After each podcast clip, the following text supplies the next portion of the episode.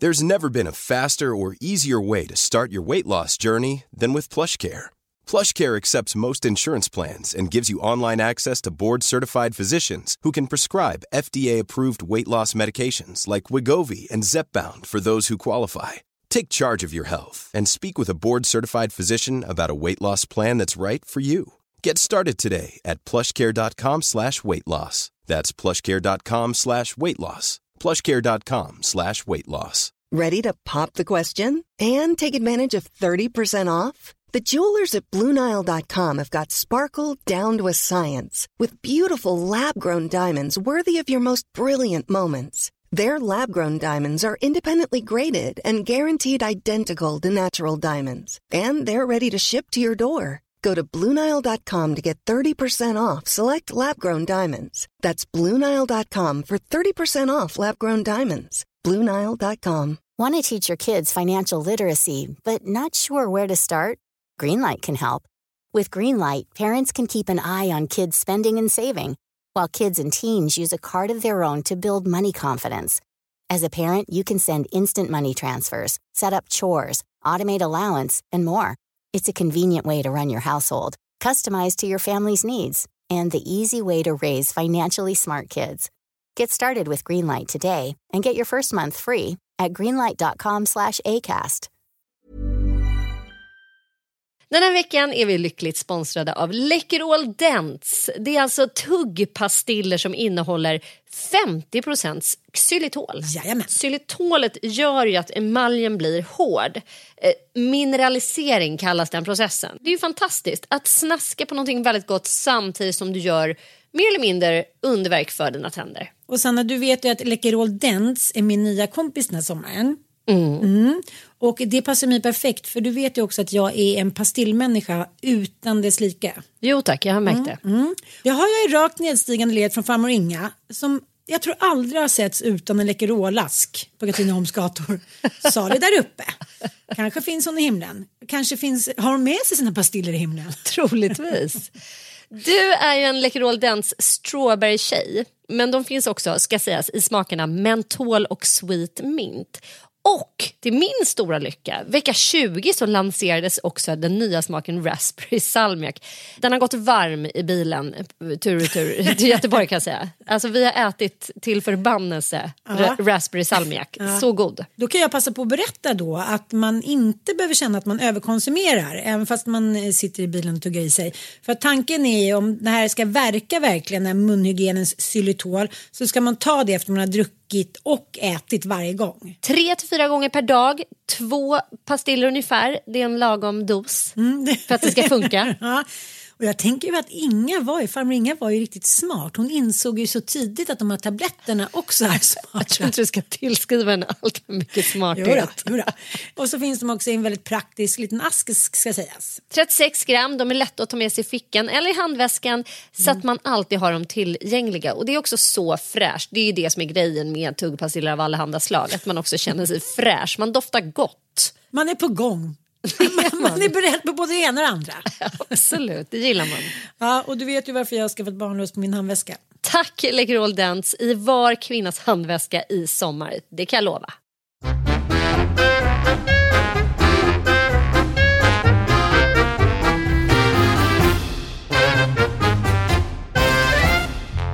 Hej och välkomna till podden Inte din morsa med mig Sanna Lundell. Och med mig Ann Söderlund. Här blev det formellt men det kändes som att eh, vi behövde liksom presentera oss lite grann för alla nytillkomna lyssnare. Jag pratade precis med Rickard, vår klippare och vad ska man säga, han är administratör, han håller på, koll på allt det där som vi, vi är lite dåliga att hålla koll på, siffror och annat. Och han sa att det har tillkommit en herrans massa lyssnare. Så jäkla kul. Herrans, då passar det bra att kyrkklockorna precis ringde här utanför dörren. Jaså? Jaså? Hur kommer det sig? Nej men jag har ju, bor ju 50 meter från en kyrka så att det, det påminner mig allt om mina, mina barndomsmånader hemma hos salig mormor Kajsa. Hon bodde också precis vid en kyrka och det är någonting mäktigt med att man säger vaknar till kyrkklockor. Jag tycker det är väldigt, väldigt fint och eh, en så här kyrkotrygghet Som, som eh, många barn som liksom föds nu och växer upp, de vet ju inte så mycket om kyrkan. Jag, jag kan nog räkna på handens fem fingrar de gångerna som till exempel Bobo och mina andra barn. Ja, men så här skolavslutning, men nu har de ju inte ens skolavslutning i kyrkan längre. Så att kyrkan har liksom fört ett, ett dystert liv just nu tycker jag. Och det gör även jag. Gör du? Nej. Nej, men jag tänkte så här, nu är det fjärde barnet jag ska skola in, det är Bobo, han har massa stora brorsor, det kommer ju gå galant liksom. Och sen så sitter jag med då, egentligen fick man ju inte sitta med inne, ja, men inne i skolan för att eh, man lämnar ju barnen eftersom det är corona stylish. Att man får inte följa med in och se hur de har det. Och de har inget fadderskap nu på grund av corona och man får inga telefonnummer på grund av nya lagar. Så det är lite som att någon eh, bakbinder en och lämnar och kastar en åt vargarna. De är inte så stora, de har liksom precis fyllt sex år och kommer från en tillvaro på förskolan som faktiskt är väldigt sorgfri. Mm. De leker och de äter och de leker och de får mycket kärlek liksom. Och helt plötsligt, eh, sex år är ju inte som när vi var små eller som när våra äldsta barn var små utan nu är det ju liksom regelrätta lektioner från klockan 8 och 15 där de ska räkna matte och sitta stilla och gå på led och det här är ju liksom chockartat. Och jag pratar med många andra föräldrar. Man vill ju bara leka och dricka mjölk som eh, Bobos kompis sa liksom. Mm. Och sen så, jag vet inte hur det går till, men de lottar väl på något sätt det här med, med skolan nu i Stockholm. Så att Bobo kommer då med 58 nya elever och har aldrig träffat någon. Mm. Han, han, var inte så himla tuff. Vadå inte, inte med en enda av sina vänner från förskolan? Nej, inte en enda. Han har liksom inte ens... Eh, ja, men inte, ja, han, han, såg någon som gick på hans förskola för två år sedan. Mm. Och då kände jag lite så här, kan de inte bara få landa lite mjukt? Så ringer man ju och tjatar och så här, och kan han inte få komma med sina kompisar? Men det är ju liksom det är kört, man är ju inte ens syskonförtur längre. Så att eh, jag har en tjejkompis, hon, liksom, ja, hennes man också, de går ju nu till tre olika skolor. Herregud. Blev det så bra med den reformen egentligen? Alltså den här eh, sex år så att barnen ska då flyttas till skola från förskola när de är sex år. Eh, jag kan säga att jag tycker den reformen var helt idiotisk. Och allting handlar ju såklart om pengar och besparingar och sådär. Men mm. när man, just sexårsåldern eh, är ju en väldigt skör ålder. Alltså det är en ålder när, som kan liknas vid treårsåldern när man alltså, tar stora utvecklingskliv och har den där inre osäkerheten lite aktiverad mm. i sig. Liksom. Så jag tycker det är helt brutalt att just då ska man så här, svara upp på högre krav, man ska liksom bli en stor pojke. Jag kommer ihåg, jag kommer ihåg det med alla mina barn. Att det var så här, shit, helt plötsligt förväntades de liksom sätta på sig av sig sina knytskor själva. De fick liksom ingen hjälp, det fanns ju ingen möjlighet för de här stackars förskollärarna och lärarna att hjälpa de här eh, sexåringarna med praktiska saker utan det fick de helt plötsligt klara helt själva liksom. Och, och att bli tröstad eller så här, eh, att en speciell person kan knyta an lite extra, det, det fanns ju inte heller rum för. Så att, eh, jag håller med, jag tycker det där var skittufft. Men sen tycker jag generellt att skolstart, alltså just det här första dagarna på höstterminen, alltså det är riktig ångest tycker jag det är övergången från att man har levt en sorgfri eh, hemmavardag liksom med semester. Man kan tycka vad man vill om semester nu. Vi har ju öst, eh, öst skit över liksom det ökade arbetsbördan som det innebär för oss mammor. Men någonstans är det ju så att i slutet av sommaren då har man ju också börjat vänja sig vid den och lyckats delegera. Ja men arbetsbördan är också... Nej, jag håller med. Alltså, då har man börjat ja. delegerat ut det och alla har börjat hjälpa till och det har börjat flyta på ett annat sätt. Och jag tycker mm. alltid att augusti är den skönaste månaden med barnen i alla fall. För då mm, man är liksom in, inkörd på sommarrutinen och då helt plötsligt ska det här jävla höstrutinen tillbaka. Så ska man gå upp och liksom ramas in av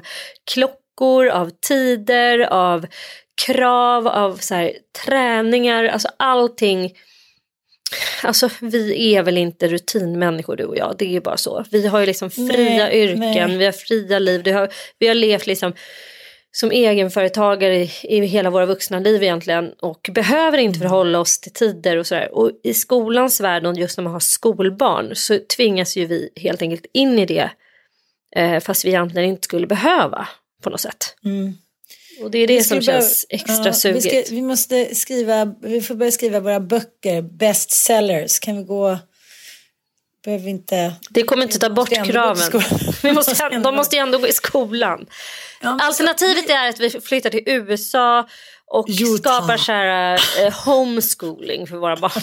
Och egna så här, Utah. ja, det blir det. Vi, vi blir mormoner och flyttar till Utah och kör homeschooling med dem. Mm, Ja, vi så inbakade flätor. Ett evigt Nej, men så- sommarlov. Men så blir jag också lite irriterad för att, för att då blir jag ledsen när, jag, när ska man gå från skolan och säger jag vill inte följa med, det här är tråkigt, jag har inga kompisar hit och dit. Och då blir jag lite så här, men ryck upp det nu, nu måste mamma jobba liksom. Så jag tycker att det är en svår balansgång. Så alla andra går ju här, alla andra klarar nu får ju du också klara. Gud, jag, ja, jag tycker det är skitsvårt. Mm, Ja, men det är också det är som alltid när man är mamma att så här, svarar man an på deras ångest och oro och Ja. bekräftar den, Ja. eh, då, då ger man dem ju inte heller möjligheten att gå emot den och eh, så att säga lära känna den och komma över den. Och det, det är väl där som är den hårfina gränsen att liksom lära känna att så här, Gud, det här är, det här är sån ångest som, som inte kommer gå över av att vi pressar på utan vi måste ta det i små steg. Men bara så här lite, jag har ju haft motsvarande grej med Foxen nu för han vill ju inte gå till sin dagmamma här efter sommaren men det var skönt för det är också lite mer flexibelt, eh, i alla fall hos min dagmamma. Så då fick vi ta en liten så manjana inskolning, liksom jag var med två första dagarna och tredje dagen så fick han liksom vara där några timmar och så här. Men då är ju Micke så här, alltså ska jag säga helt värdelös för han är så här, han vill inte gå, jag klarar inte av att lämna honom. Alltså han gråter, ja, han fick följa med hem igen och är det, alltså, och jag bara känner så här, det är någon form utav också så här, ska inte säga att det är lathet, men det är också en så här, att emotionellt gå igång som vuxen när man egentligen ska visa sitt barn att så här, det här är ingenting som är farligt, det finns ingen anledning för dig att känna ångest nu. Eh, din separationsångest finns där som en instinkt och den är liksom i oss alla men vi ska jobba oss igenom den och komma ut på andra sidan och växa här som människa och barn eh, och bli liksom lite mer trygg och självständig. Och då måste man ju pressa på lite. Och idag var då femte dagen han gick och idag så grät han ingenting och bara så här vinka och allt var hur bra som helst. Så Det är bra. Ja, det var jätteskönt. Men det, det är som sagt, jag tycker också att i, i, i stunder av livet så är man ju mjäkigare som förälder också. Man orkar inte med eh, att eh, vara den där ångestguiden. Speciellt inte när man själv har så här fet ångest och typ inte känner sig stabil. Nej, och så säger han så här när jag ska gå så här. Du kan inte läsa mina tankar. Jag bara, nej, nej, du vet. Han, är liksom, du vet, han har bestämt sig. Han vill ha en polare där. Han vill att Daniel ska komma till hans skola. Eller han, han, nu är han liksom fastlåst i det här. Och jag säger så de vill ju leka med dig, den och den. Och det är många som inte känner någon. Men han, han är så här, jag känner ingen här, jag känner mig ensam. Han har liksom redan... Oh, jag- ja, nu eh, fick Mattias gå dit i alla fall. Så att jag... Men Mattias är också en känslig person så han tycker också att det här jobbet och, tycker, och lägger över det på mig som tycker då ska ha erfarenhet. Men ja, det har inte blivit enklare imorgon, snarare tvärtom. Men ah, ja, This too will pass. Du vet vad som hände i morse? Nej, berätta. Jag satt ner och drack min eh, första kopp kaffe. Igor eh, stolpar ner för trappan och jag bara ser när han vänder sig mot mig hur svart han blir i blicken. Vadå då? Nej, men jag hade ju såklart snott hans Gant Crest hoodie. Du vet den här nya, helt fantastiska, ja bara supermjuka high quality hoodien med det här broderade emblemet. Men vadå, jag köpte ju två. En grå till mig och en svart till Dante. Men nu hänger båda in i hans rum som att han låtsas om att jag inte köpte den ena till mig.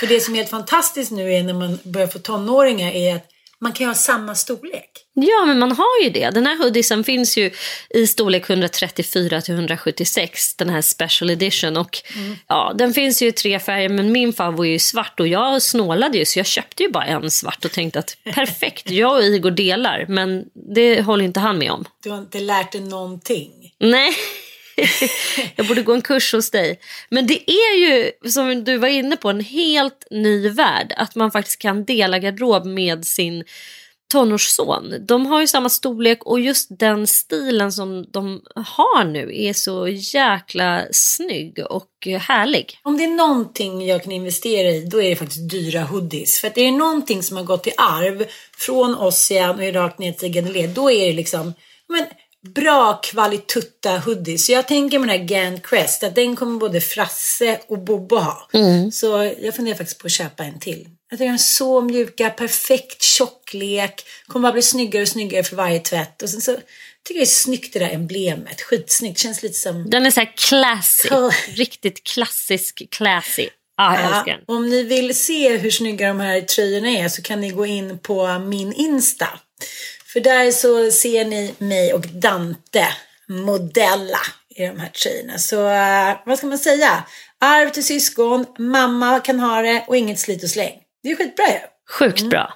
Och det som är så himla bra, om ni vill köpa en till tio sådana här superhärliga Gant Crest eller någonting annat så har jag och Sanna en liten rabattkod som vi erbjuder er, kära lyssnare. Så gå in på kidsbrandstore.se så använder ni rabattkoden inte din morsa 20 så får ni 20% rabatt när ni köper de här härliga Gant Crest hoodiesarna eller något annat för den delen. Så inte din morsa 20.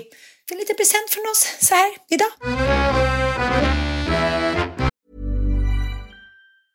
A lot can happen in the next three years. Like a chatbot may be your new best friend.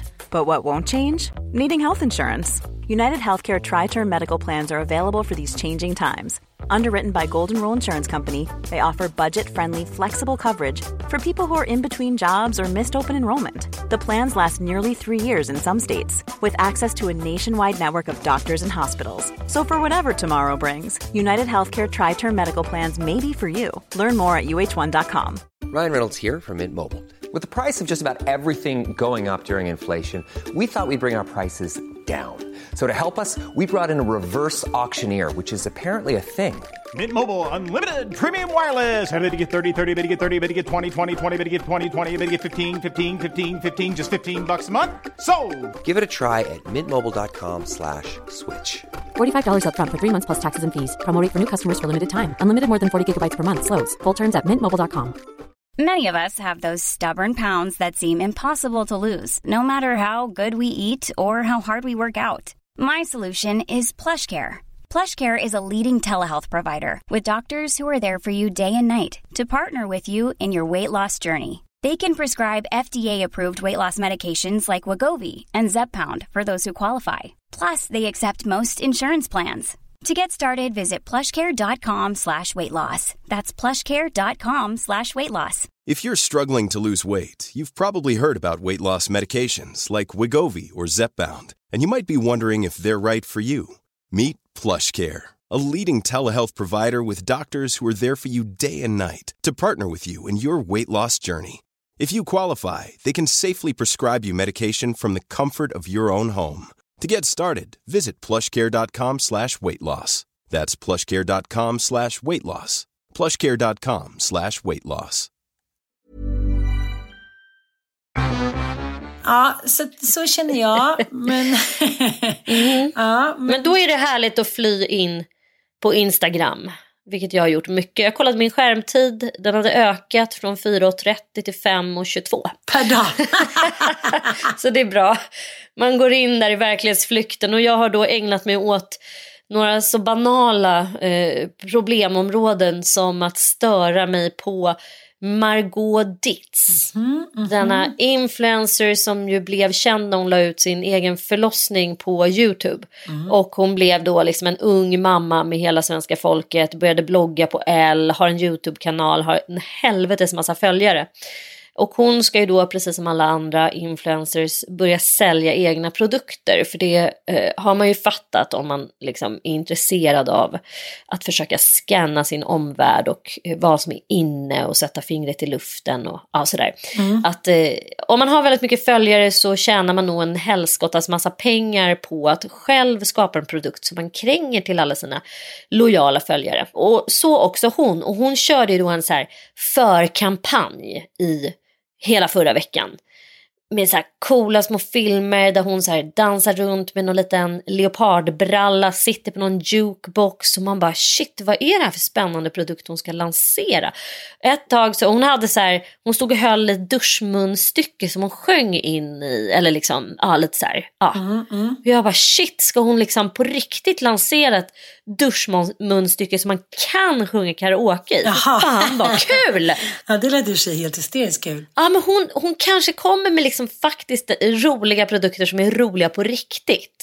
Så, så jag såg fram emot den där lanseringen och den skedde då i förrgår. Klockan 18.00 skulle hon avtäcka sina helt fantastiska produkter som skulle vara so special och så, ja, liksom som, som omgärdades då av den här förkampanjen som jag i alla fall blev väldigt lockad av. Och då visar det sig att det hon ska sälja till oss följare det är en deodorant som heter Rock'n'Roll och en shower gel som heter Ooh La La. Men vad då? That's it? That's it. Det var ingen dusch. Det var ingen dusch som man kunde sjunga karaoke i. Det var ingen jukebox typ eller ja, jag trodde det var någon liksom så här. Åh gud hon kommer släppa ett karaoke-kit, det är fan kul, jag kommer köpa det. Utan det var den gamla vanliga deon och den vanliga gamla duschkrämen som varenda influencer, Therese Lindgren, Isabella Lövengrip, ja men varenda liksom person som har över 150 000 följare ska då göra en skönhetsprodukt eller någon slags rengöringsprodukt, någon slags kosmetik. Alltså Hanna och Amanda har ju gjort det. Och så ska det krängas. Och de där produkterna de är inte bra. Jag har testat Blondinbellas prylar, de är skit. Jag har testat de här Daisy Grace-grejerna, de är inte heller bra. Jag har, nu senast så blev jag lockad av att köpa Ida Vargs eh, för att de var så snygga, flaskorna, de var så fina. Men vad var det? Vad, vad skulle Ida Warg sälja? Ida Varg sålde då shampoo, hon har ju utökat då från deo och duschkräm till shampoo och conditioner. Wow.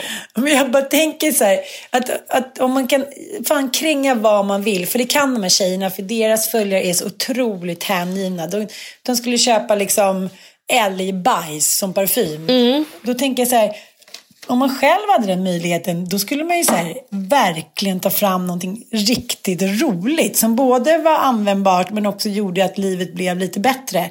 Jag skiter faktiskt högaktningsfullt i vad jag har för deodorant, bara jag slipper svettas. Det är en lat stil. Om man har den kreativa ådran som de här tjejerna obviously har. Kan man inte då göra ett litet avtryck? Kan man inte göra någonting som känns ändå lite mer eget? Måste man gå i samma hjulspår? Och jag, jag ska säga att jag gillar ju verkligen Margot. Jag tycker att hon är en härlig... Ja, jag alltså, hon är så gullig och varm och kärleksfull. Jag förstår att man som ung tjej kan tycka att hon är mysig liksom att följa som en kompis. Men fan, jag blev besviken här. Jag tycker det var så tråkigt. Jag vill ha ett duschmunstycke som jag kunde sjunga karaoke i. Men det får du och jag göra. Ja, så jag fan ta fram det själv. Jag tror att det kommer sälja, för då står jag i duschen och så trycker du på en knapp och så bara kommer det musik och så kan du bara börja sjunga med fast det liksom inte är bara musik fast ingen sång och så får du själv bara köra loss i duschen till karaoke liksom. Jag tycker det låter underbart. Det låter som tekniskt avancerat men, men ingenting är omöjligt. Ingen ska Eh, sno den här uppfinningen nu. Du och jag får också få tänka på att när vi ska göra någonting, vilket vi håller på att planera lite, så måste vi ju, vi kan ju inte köra så här, nu måste vi verkligen Nu måste vi- tänka till bakom det vi, ja, annars kommer vi få mycket skit ska jag säga. Så Mm. nu får vi uh, gnugga geniknölarna som man, sa när vi var små. Ja, men så, så där har man varit inne i the Margot country, eh, sin, en, en eh, stor del av skärmtiden. Sen har jag också ägnat mig åt, som en besatt, att vara inne på vår favoritbarnmorska Asabia Brittons eller hennes konto förstås, för hon har ju fött barn eh, och har ju delat med sig av sin förlossning så extremt generöst. Och hon hon har ju då kört en hemförlossning i vatten. I sitt badkar har hon fött sin andra son och det verkar ha varit en helt gudomlig upplevelse. Bara rent igenom, Mhm. re, rätt igenom härligt bara. Alltså knappt så att det gjorde ont. Hon liksom bara myste sig igenom den här förlossningen och eh, hon har ju lagt upp i stories kontinuerligt och man har ju liksom bara fått, hon har delat med sig av sin förlossningsberättelse och en film där man ser hur barnet föds och hur hon ser Men ut gud, att hur kan njuta. jag missat det här? Ja men herregud, du måste bara kasta dig in där och kolla. Nej, Ja, men det är jag, liksom har helt sett, sjukt. jag har sett på Insta, du vet, att hon säger nu är jag fött och så, men det där är helt missat. Gud, nu vet jag vad jag ska göra ikväll. Mm, nu är det bara att... Men jag har också då noterat att det här har blivit något av en trend, detta med hemförlossningar. Jag vet inte om det har med eh, coronan att göra, kan det ha, men jag tycker mig också se att, vi har ju varit inne på det förut, att liksom synen på barn, förlossningar, kvinnokroppen, den har ju gått i vågor. Och jag minns när jag väntade Olga, då fanns det ju också liksom eh, en del som höll på, alltså amningshjälpen var stor då, den här typen av naturliga mammor, att amma tills det var tre, alltså det var en liten våg av så naturligt föräldraskap med mycket så här anknytning och bära barn i sjal och sånt.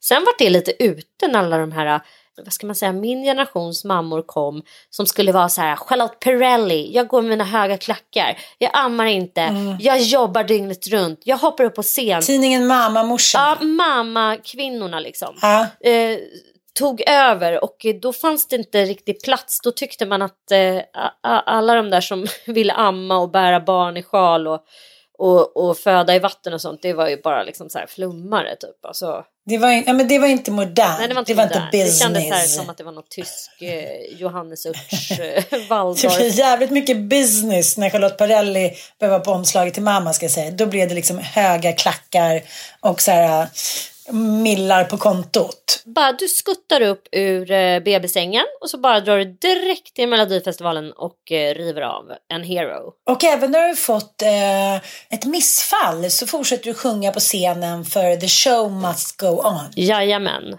Och ingenting ska hindra dig så att bebisen är med. Den är med överallt eh, ändå. Liksom, för att man har ingen nanny och man vill inte liksom vara en dålig mamma utan man ska ändå baka bullar. Alltså hon är ju en fascinerande kvinna det måste jag säga. Hennes blogg har jag nitiskt läst sen hon började blogga. Hon bloggar ju på Damernas Värld.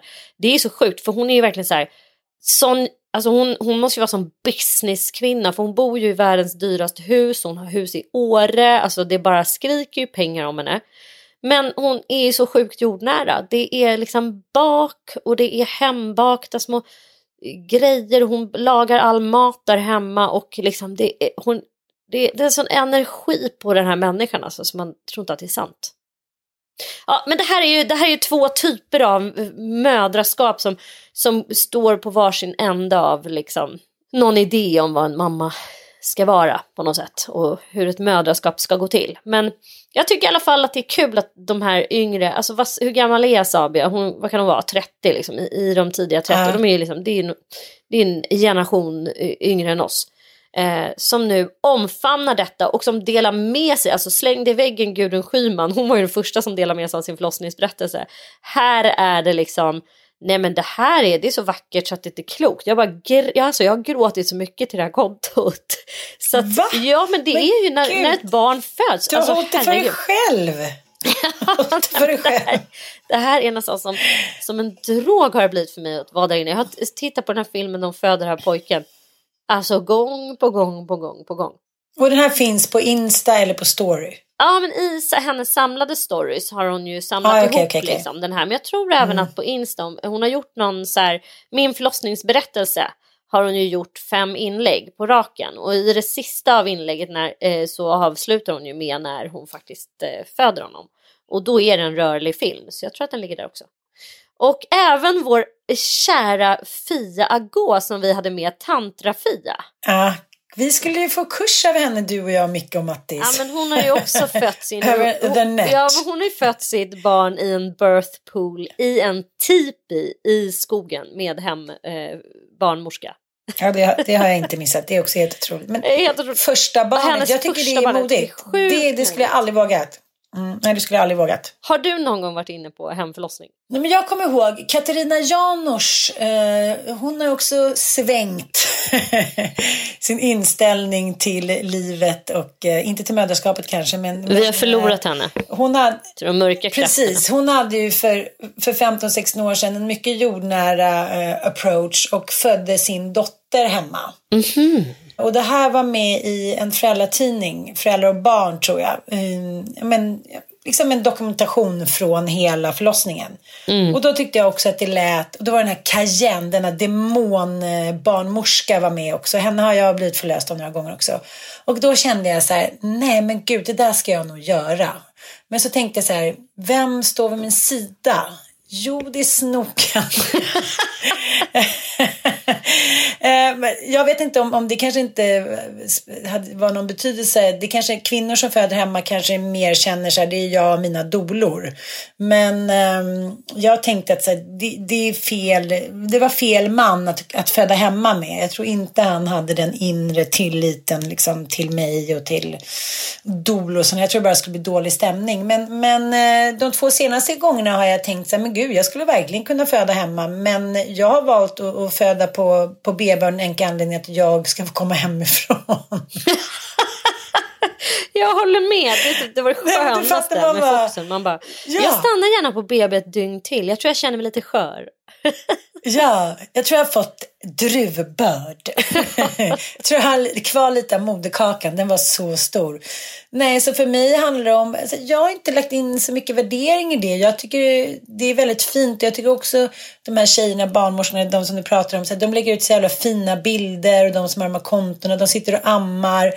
Eh, samtidigt kan jag tycka så här, jag tycker att det är lite roligt att det finns kontraster. Jag tycker att det är roligt att det finns Perelli och Pernilla Wahlgren. Jag tycker att det är roligt att det finns de här andra kontona som har naturliga bröst och visar bristningar. Jag, jag tycker så här, man får göra som man vill. Det som får en att må bra. Men jag älskar också den här motpolen för att det, det känns ju väldigt mycket mer i kroppen och i hjärtat att se saker som är på riktigt. Och jag tänkte på det när jag läste en helt fantastisk krönika av Hanna Hellquist häromdagen. Där hon var så här, jag ber om ursäkt, jag kanske inte är rätt person hiten och ditan. Men, ja, men hon förklarade då att hon hade eh, sett olika filmer och tv-serier senaste åren. Och, ja, men, man kollar på de här olika kvinnliga skådespelerskorna och det enda man tänker på är så här eh, hon tog eh, till exempel upp serien Big Little Lies med Nicole Kidman och Alexander Skarsgård som ett par då. Alexander Skarsgård är ju bara en vidrig hustrumisshandlare. Mm.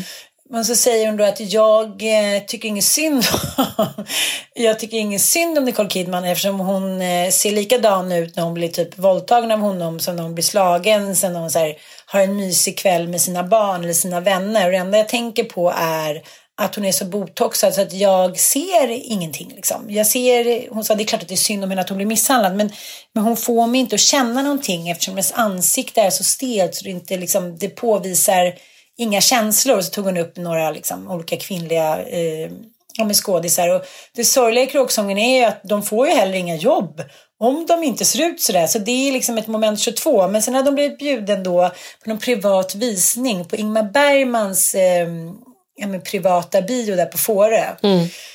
Ja, då hade hon sett en film då eh, med två av Sveriges största skådespelare genom tiderna, Liv Ullman och Ingrid Bergman och en lite åldrad Ingrid.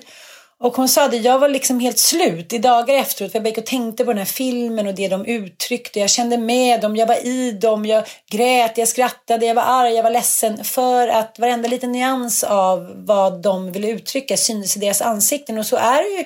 Så har det ju varit fram till Botogens liksom härskar, härskartåg över jorden. Att man har sett på människor hur de mår. Man har sett ungefär hur gamla de är.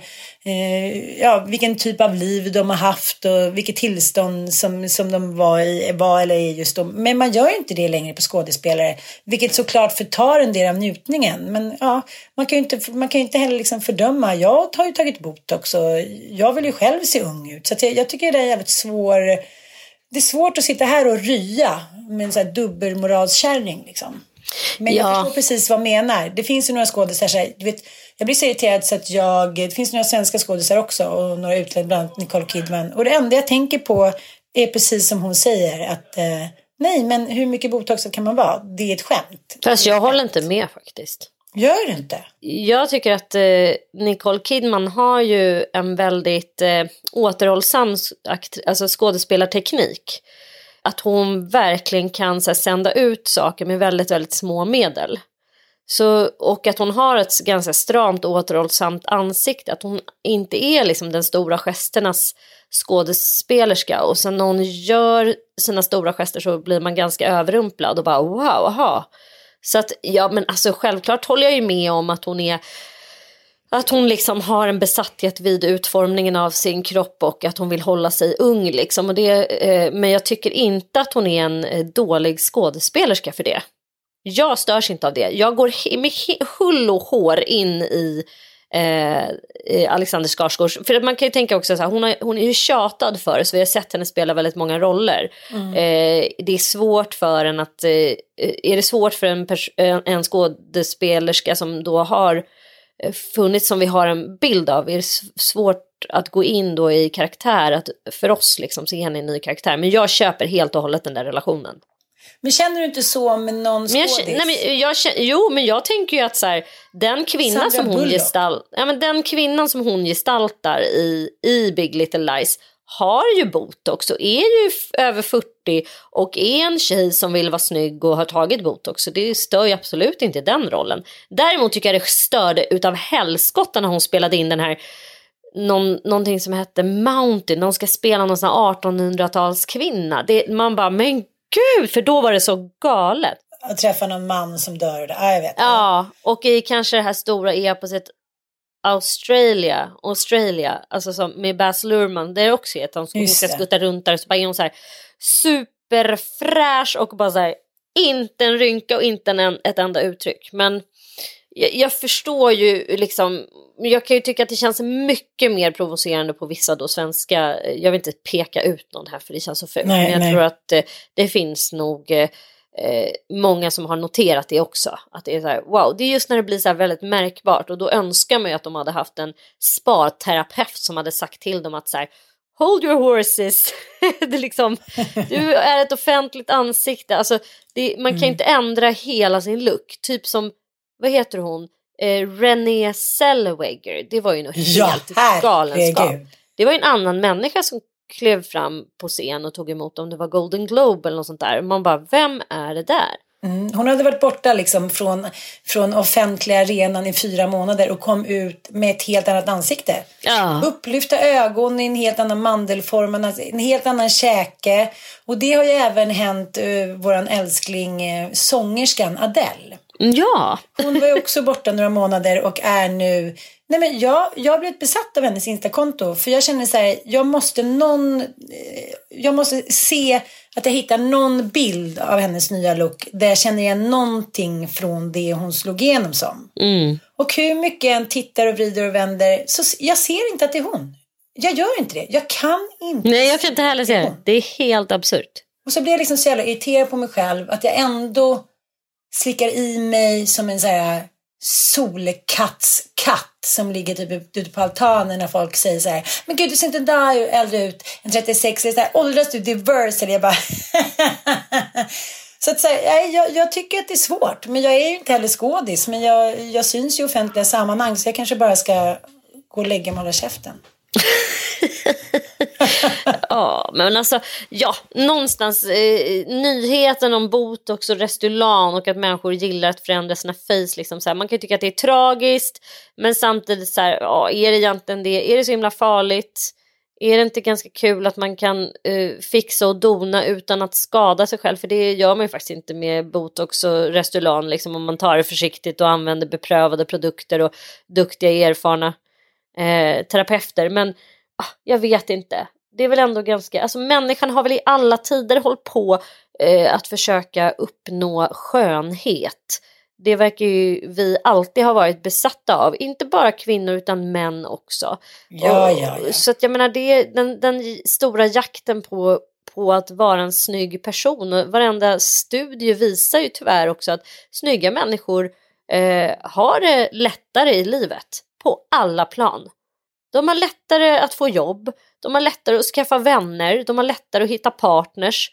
Det är så deppigt livet ser ut liksom.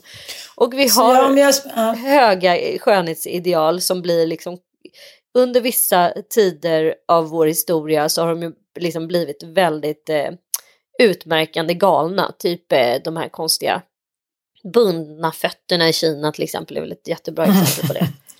För fan. Eller när man ska säga giftiga lössläppstift och arsenik i ansiktet som man kolar. Ja, jag fattar. Men, men, eh, ja, men du kommer aldrig få mig att förstora läpparna. Dit får man aldrig. Dit får man aldrig.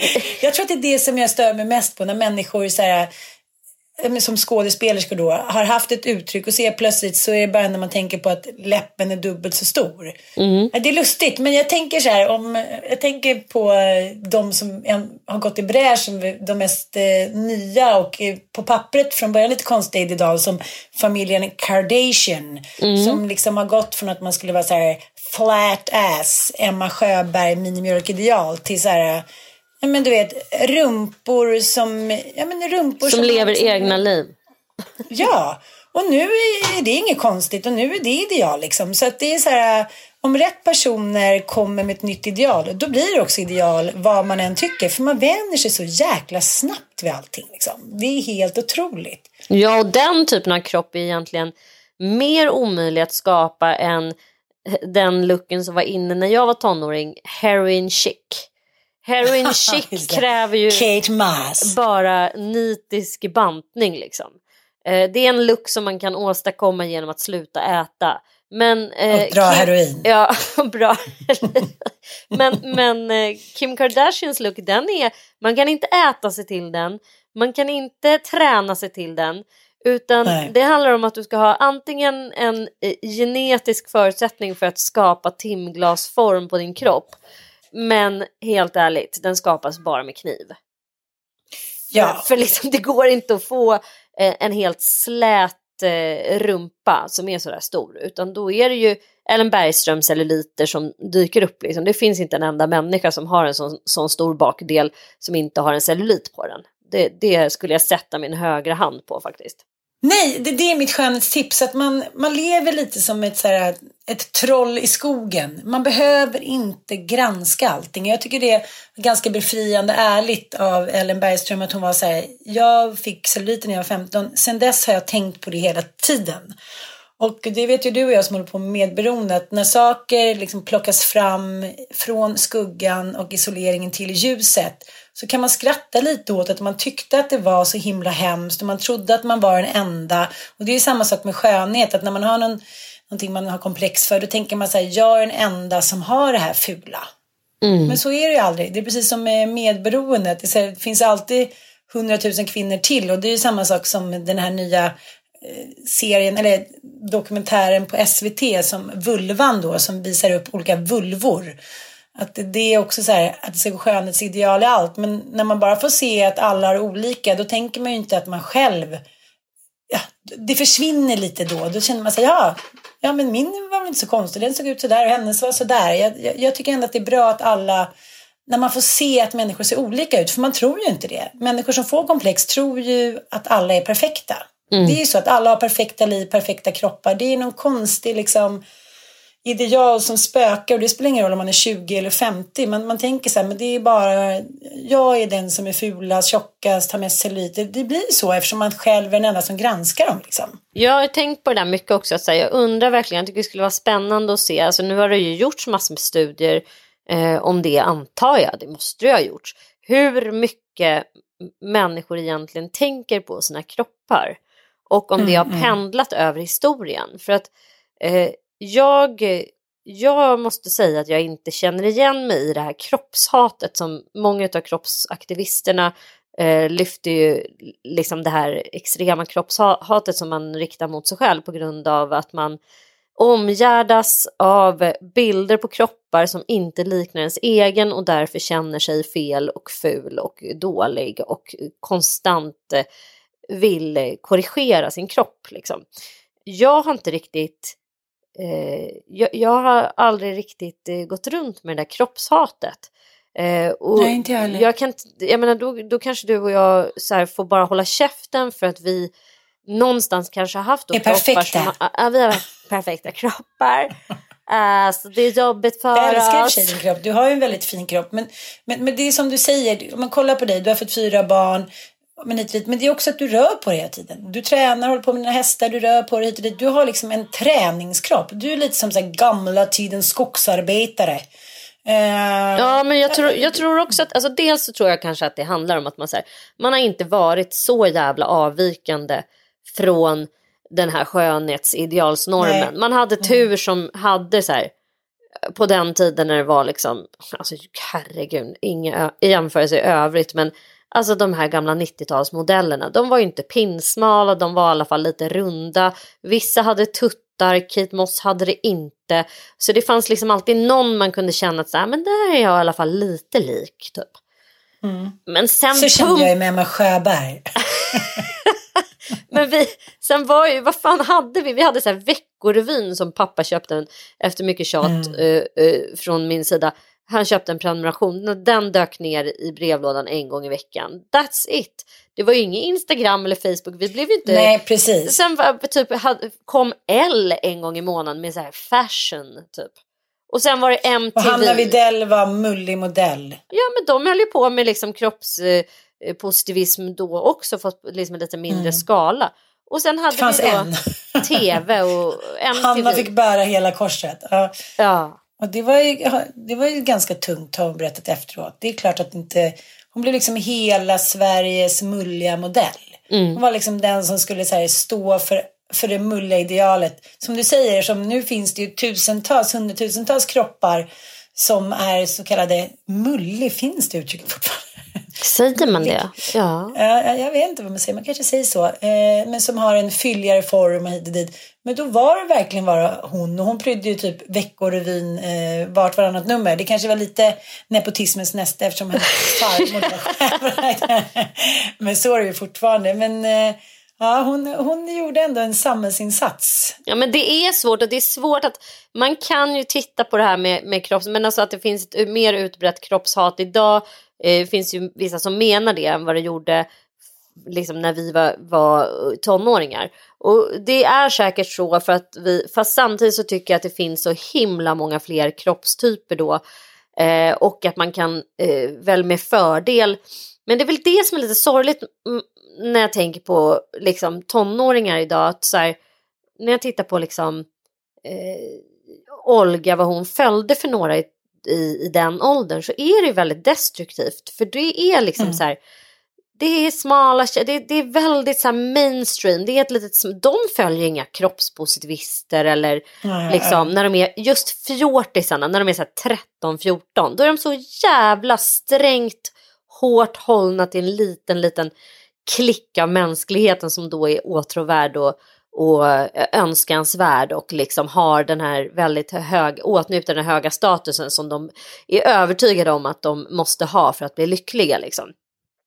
Eh, och det är ju nu när hon är 19-20 som hon har liksom gjort, gjort upp med allt det där och breddat sin världsbild och sin syn på eh, vad en kvinna kan vara och att det finns så många olika typer. Men just i den där känsliga åldern så var de så jäkla stränga. Det finns ändå, du måste ändå tänka när vi var i hennes ålder, då var liksom det största som kunde hända en var att man liksom, någon kom fram till en på gatan och man blev headhuntad som modell. De största som var liksom, de största förebilderna som var större egentligen än sportstjärnor och liksom eh, vetenskapsmän och frihetskämpar, det var ju supermodellerna. De här som liksom, eh, som så här, vad ska man säga, som ledde en hel världs skönhetsideal och mode. Det var ju Cindy Crawford, Kate Moss lite som så här uh, the dark horse, eh, Paulina Porriskova.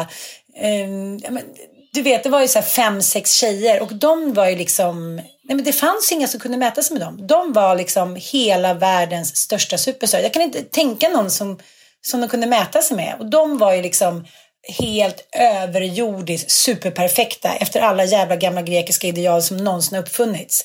Hjärtformade ansikten och fylliga läppar och stora mandelformade ögon och tuttar och ändå svinsmala. Där kan man snacka om att man så här, satt i ett skruvstäd med ideal. Nu kan man i alla fall googla. Då var det de typ sju personerna som man var så här, aha, aha. Sen fanns det inget annat. Så att, eh, jag vet inte. Om som säger att jag, om man läser forskning så, så är det väldigt tydligt att liksom, unga tjejer och killar faktiskt inte mår sämre av att vara på nätet. Mm. Så jag vet inte. Det är lite som, jag tror att det är också lite härligt för pöben att säga så här att alla mår så dåligt, alla ungdomar mår så dåligt. Men vi mår inte så himla mycket sämre. Liksom. Det finns väl också mer mätbart idag, tänker jag. Så vi kan inte jämföra med för 50 år sedan, för folk hade väl fan inte ens eh, någon uppfattning om eh, så här, kroppspositivism och kroppshat och sånt. Alltså, jag tror att det, de ställde liksom inte samma typer av frågor. Det går inte att jämföra över tid eller går inte heller att jämföra så direkt över plats i olika kulturer heller. Men, eh, och jag menar som sagt, det kanske också är så att man, man eh, dåligt mående idag är, är mycket mindre stigmatiserat. Alltså det är helt, mycket mer okej att säga att man inte mår bra eh, för en ung person idag än för 20 år sedan. Då var man ju liksom ja, så här, en wimp. Man bara, nej, ta och ja, ryck upp det bara. Ut, precis, och man blir utredd för liksom olika bokstavskombinationer som så här, ADHD, ADD hit och dit. Så det, det, framstår som vi är ett folk som mår så otroligt mycket sämre, men vi gör inte det. Och det där kan jag också bli liksom irriterad på att det ska framställas som att vi alla mår så jävla dåligt, men vi gör inte det. Och det så att eh, man måste liksom se, vad ska jag säga, man måste se bortom, bortom eh, det som passar media på något sätt. Det är en klickmagnet att säga att så här, unga tjejer mår så himla mycket sämre och den mår så himla mycket sämre och alla mår skit. Då klickar man ju på den. Det är ju av intresse liksom. Så det Ja, man får se bortom det där lite och vad som är fakta. Det, det tycker jag är viktigt ändå. Mm. Annars buntar man ihop också en hel jävla generation unga tjejer att de är offer på något sätt. Mm. Eh, och inte klarar av att på något sätt. Det finns en viss ålder här mellan 10 och 14 och då är det väldigt svårt att rensa som från reklam. Man säger jaha, den där deodoranten. Ja, men om vi går tillbaka till Margot för att knyta ihop påsen så är det så här. Hennes fans är ju mellan liksom 8 och 16 och de tror ju blint på henne. Men sen måste man väl, de flesta människor börjar bli lite mer källkritiska så att det kanske är förklaringen till allt. Det kanske har en vetenskaplig liksom förklaring också att så här, hennes följare såklart liksom är i behov av av deodorant och duschtvål. ja. Men de ska väl börja etablera sina inköpsvanor då och det är väl därför precis, det är så passande precis. med deos och duschtvål för det är det de ska börja med då, liksom i den mm. åldern. Alltså tycker inte du också att det var en ganska lat produkt att lansera? Jo, men jag känner mig lite stressad över nu när du fortsätter här eftersom vi också snart ska lansera Ja, men du älskling. Jag bara, nu lägger vi på, nu lägger vi på. Nej. Nej. Nej, vi ska inte oroa oss. Vi kommer inte lämna ifrån oss någon produkt om inte det här är någonting som vi känner att... Alltså vi tar väl upp och hyllar vår älskade My Fält igen, för hon är väl typiskt en person och också Krickelin, en annan favorit mm. hos oss som ju verkligen har tagit fram produkter eh, utifrån sina följares liksom, behov och vilka de själva är som är så jäkla mycket dem och som är så här jaha, wow, var det det du satt och fnula på? Så att man faktiskt blev så glatt överraskad vid deras lansering. Myfält driver ju ett bageri och ett café som gjort två böcker, så bara de här böckerna är ju så här mums, mums, mums för både öga och gom och själ. Men sen har hon ju också en liten webbshop där hon säljer Eh, ja, men hon, hon målar ju, gör ju så fantastiska akvareller och så har hon gjort prints av det som hon har gjort, satt på tygpåsar, på såna här små emaljflaskor, såna här vattenflaskor och termos och ja, men massa så här gulliga utflyktsprylar eh, liksom. Och små skrivböcker och sånt där, skitgulliga saker, jättefina produkter verkligen. Och Krickelin har ju startat en hel butik eh, som är så fin, alltså en fysisk butik. Jag vill ju bara åka ner till Var kan inte vi åka till Varberg? Jo, nu gör vi någonting. Ja, vi nu gör vi någonting. faktiskt ja. åka till Varberg. För dels vill jag in i den butiken, sen vill jag gå in på eh, Kristin, eh, alltså Krickelin hade ju ett samarbete med en tjej som hette, vad fan heter hon då? Men FGL, For Good Living tror jag. Eh, en, en, annan butik som också har jättefina kläder och sen har de ju de här helt fantastiska hotellen där. Varbergs stadshotell som är ju med värsta spaet och de har kallbadhus. Och jag vill dit! Och jag vill gå in Okej, vi gör så här. butik. Innan september är slut så ska vi åka dit och vi ska ha gjort två poddar därifrån där vi pratar om kreativitet. Mm. Så ni kära lyssnare, kan inte ni eh, DM oss lite hur ni eh, har liksom skapat er kreativa resa eller om ni inte kan det så ska vi försöka eh, fluffa er fulla med kreativa tips från Krickelin i Varberg. Det vore skitkul. För, för det som är fint med både Krickelin och med Myfält det är att de i vuxen ålder har så här, de hade inga stora konton utan har liksom byggt upp det med sitt eget fantastiska fotografi, sin egen kreativitet.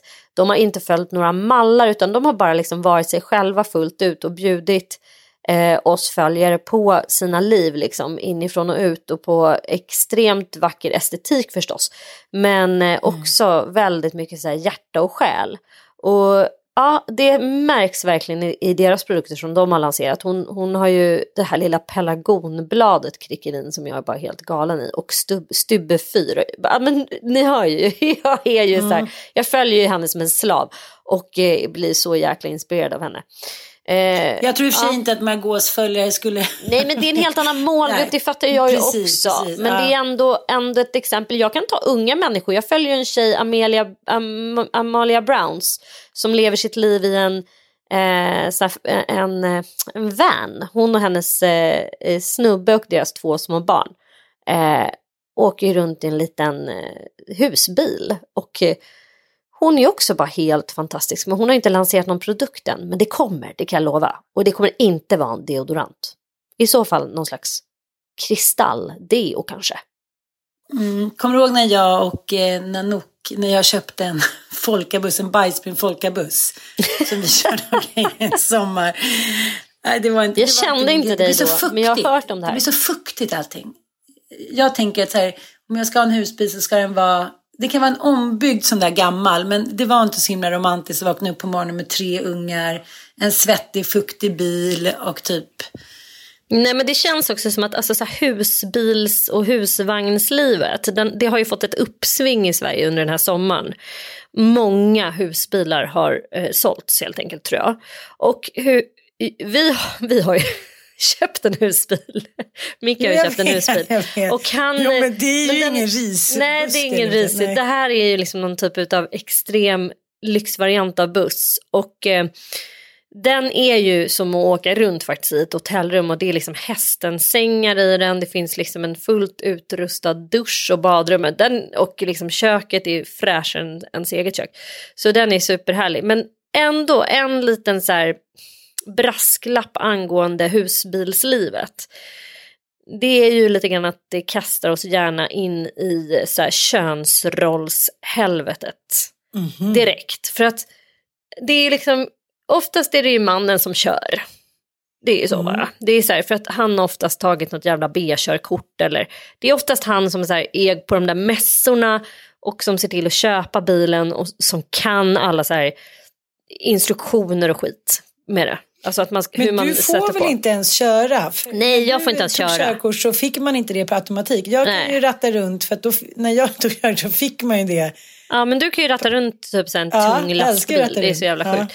Och det kan ju då mycket göra också. Så att jag kan inte köra. Men och sen är det ju liksom, det är tusen gånger jobbigare att städa i en husbil än i ett hem. Ja, ja. Varenda litet skrymsle, varenda liten vrå och sen använder man ju allting hela tiden så allting blir skitigt. Man måste ju i stort sett Mm. storstäda hela skiten en gång om dagen. Annars så blir det ju Ja. liksom igengrott inom loppet av Mm. en vecka. Helt klart. Så det är ju ofta så här, man stannar på pla- ställplatser då, då är det alltid små tantaloror, så lite pensionärskänsla på det också, som springer runt och diskar och står med någon... men det är väl inte vår grej. Kan vi inte bara sammanfatta det? Åsa, ja, men Lisa Knapp ringde mig i somras och bara, vet du vad Micke och Sanna är? Jag får inte ta på dem, vi ska nämligen hyra deras husbil. Uh, ja, då förstod jag att ni hade köpt det där schabraket. Men det är också så här, när man vill ha semester, då vill jag ligga eh, ner som en degklump och slippa allt jobb. Inklusive, och det tror jag så här, eh, husbilslivet, det är för de mer rastlösa själarna man är på gång hela tiden, man stannar på ett nytt ställe, det släpas ut liksom, utemöbler som ska in och ut och in och ut. Och ut mm. med någon, och, så här. och sen ska det liksom städas och putsas och grejas och inhandlas supplies. Det är de rastlösa själarnas eh, fordon helt enkelt. Vi, ja. vi behöver inget fordon alls, vi behöver en solstol och en margarita i handen. Det verkligen. Det tycker mm. jag alla är värda. Men eh, alla är olika och det är ju tur det. Nu är vi igång. Eh, tack till vår sponsor. Tack till er som har lyssnat. Och eh, ni får gärna höra av er också vilken typ av semester ni gillar. Jag tycker det här är spännande att, eh, att många människor är också så jäkla ognälliga. Mm. Det, men, så är det bara. Det spelar liksom ingen riktig roll. Är det väder, är det vind, kraschar bilen, blir det liksom eh, hagel och grodor på, på taket, får de ont i ryggen så är de ändå glada och nöjda. Fan, vad gick snett? Puss och kram på er. Vi hörs. Ja, det är vi. Hörrni, vi hörs ja. nästa vecka. Tack för att ni lyssnar på oss. Puss och kram.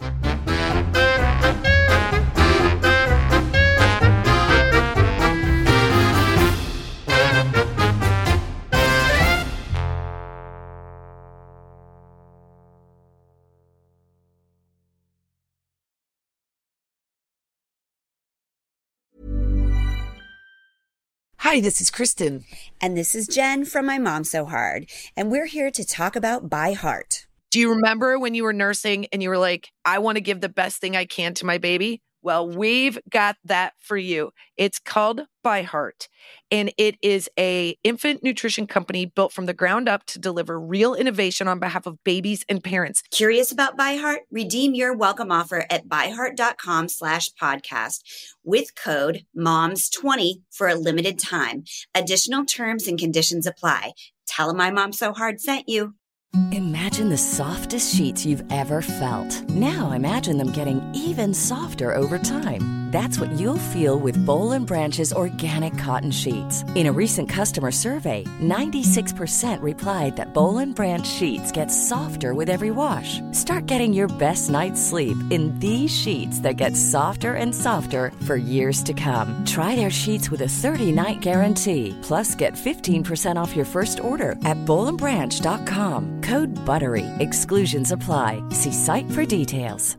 Hi, this is Paige from Giggly Squad, and I want to talk to you about Splash Refresher and my water intake. Okay, so you guys obviously know that I'm a hydrated girly, but sometimes when you drink that much water, it starts to just taste bland, and you're just like, I need something to spice it up. That's why I love Splash Refresher. It has zero sugar, zero calories, and it's a splash of sweetness. And they come in five different flavors. They're so good. Wild berry, acai grape, pineapple mango, lemon, and mandarin orange. My favorite is the wild berry because I just I just love a berry. So if you're like me and you're drinking water all day, then try Splash Refresher. It's going to absolutely change your water game and it's good for you.